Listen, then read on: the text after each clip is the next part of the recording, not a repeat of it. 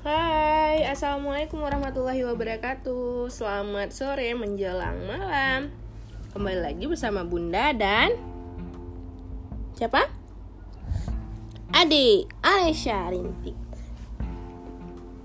Hmm, Sore ini Bunda mau membacakan sebuah dongeng.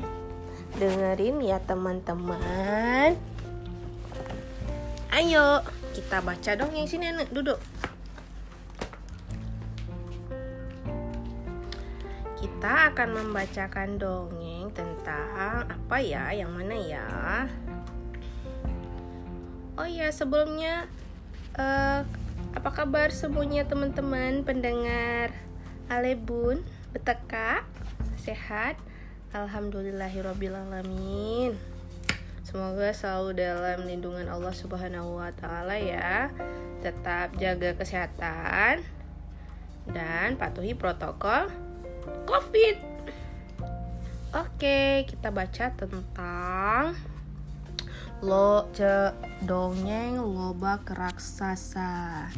Nah, jadi ceritanya pada suatu masa hiduplah seorang petani miskin yang bekerja keras setiap hari.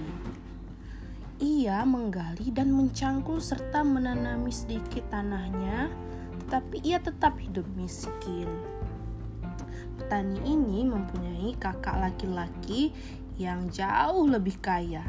Ia seorang pedagang kain setera yang sangat pelit dan lebih mementingkan dirinya sendiri. Uh. Pada suatu hari di kebun petani itu, sebuah lobak tumbuh semakin besar dan sepertinya tidak akan pernah berhenti tumbuh.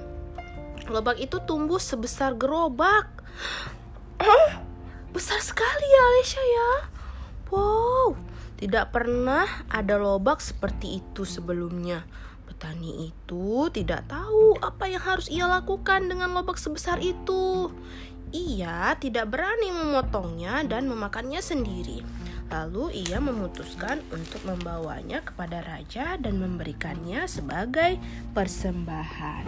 Sang raja tersentuh atas kebaikan sang petani dan memberinya hadiah berupa satu peti penuh dengan batu-batuan berharga. Oh iya, Nu. Hmm. Hmm. Oh lagi. Tunggu ya. Kita jeda dulu. Alesya minta mamam lagi. Hmm. Ini. Makasih ya. Yuk, kita baca lagi. Kita sambung lagi ceritanya. Kemudian Kakak sang petani bukannya merasa senang terhadap adiknya, malahan merasa iri. Ia ingin menghadap raja dan mengharapkan hadiah juga. Adik, oh adik, adik mau cerita juga. Hmm, adik baca. Hmm, habis itu, hmm, jika saudara saya mendapatkan hadiah besar dengan hanya memberikan sebuah lobak, apa yang akan saya terima jika saya memberinya beberapa meter kain sutra mahal? Ia berkata pada diri sendiri.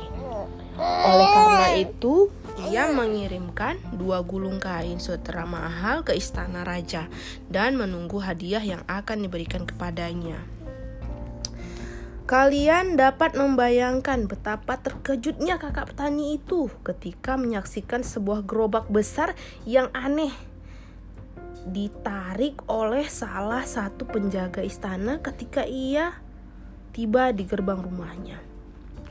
Raja telah mengirimkan sebuah lobak raksasa sebagai hadiah. Teriring salam hormat dari raja, ujar penjaga istana itu. Akhirnya pedagang yang pelit itu harus memakan sup lobak itu selama berbulan-bulan. Dan sejak hari itu ia belajar untuk tidak mementingkan diri sendiri. Nah, seperti itu.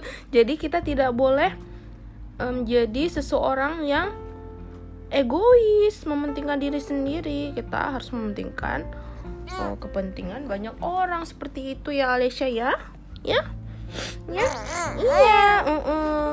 coba adik bilang adik bilang kayak mana kayak mana pesan dari ceritanya nak hmm gimana gimana Alesya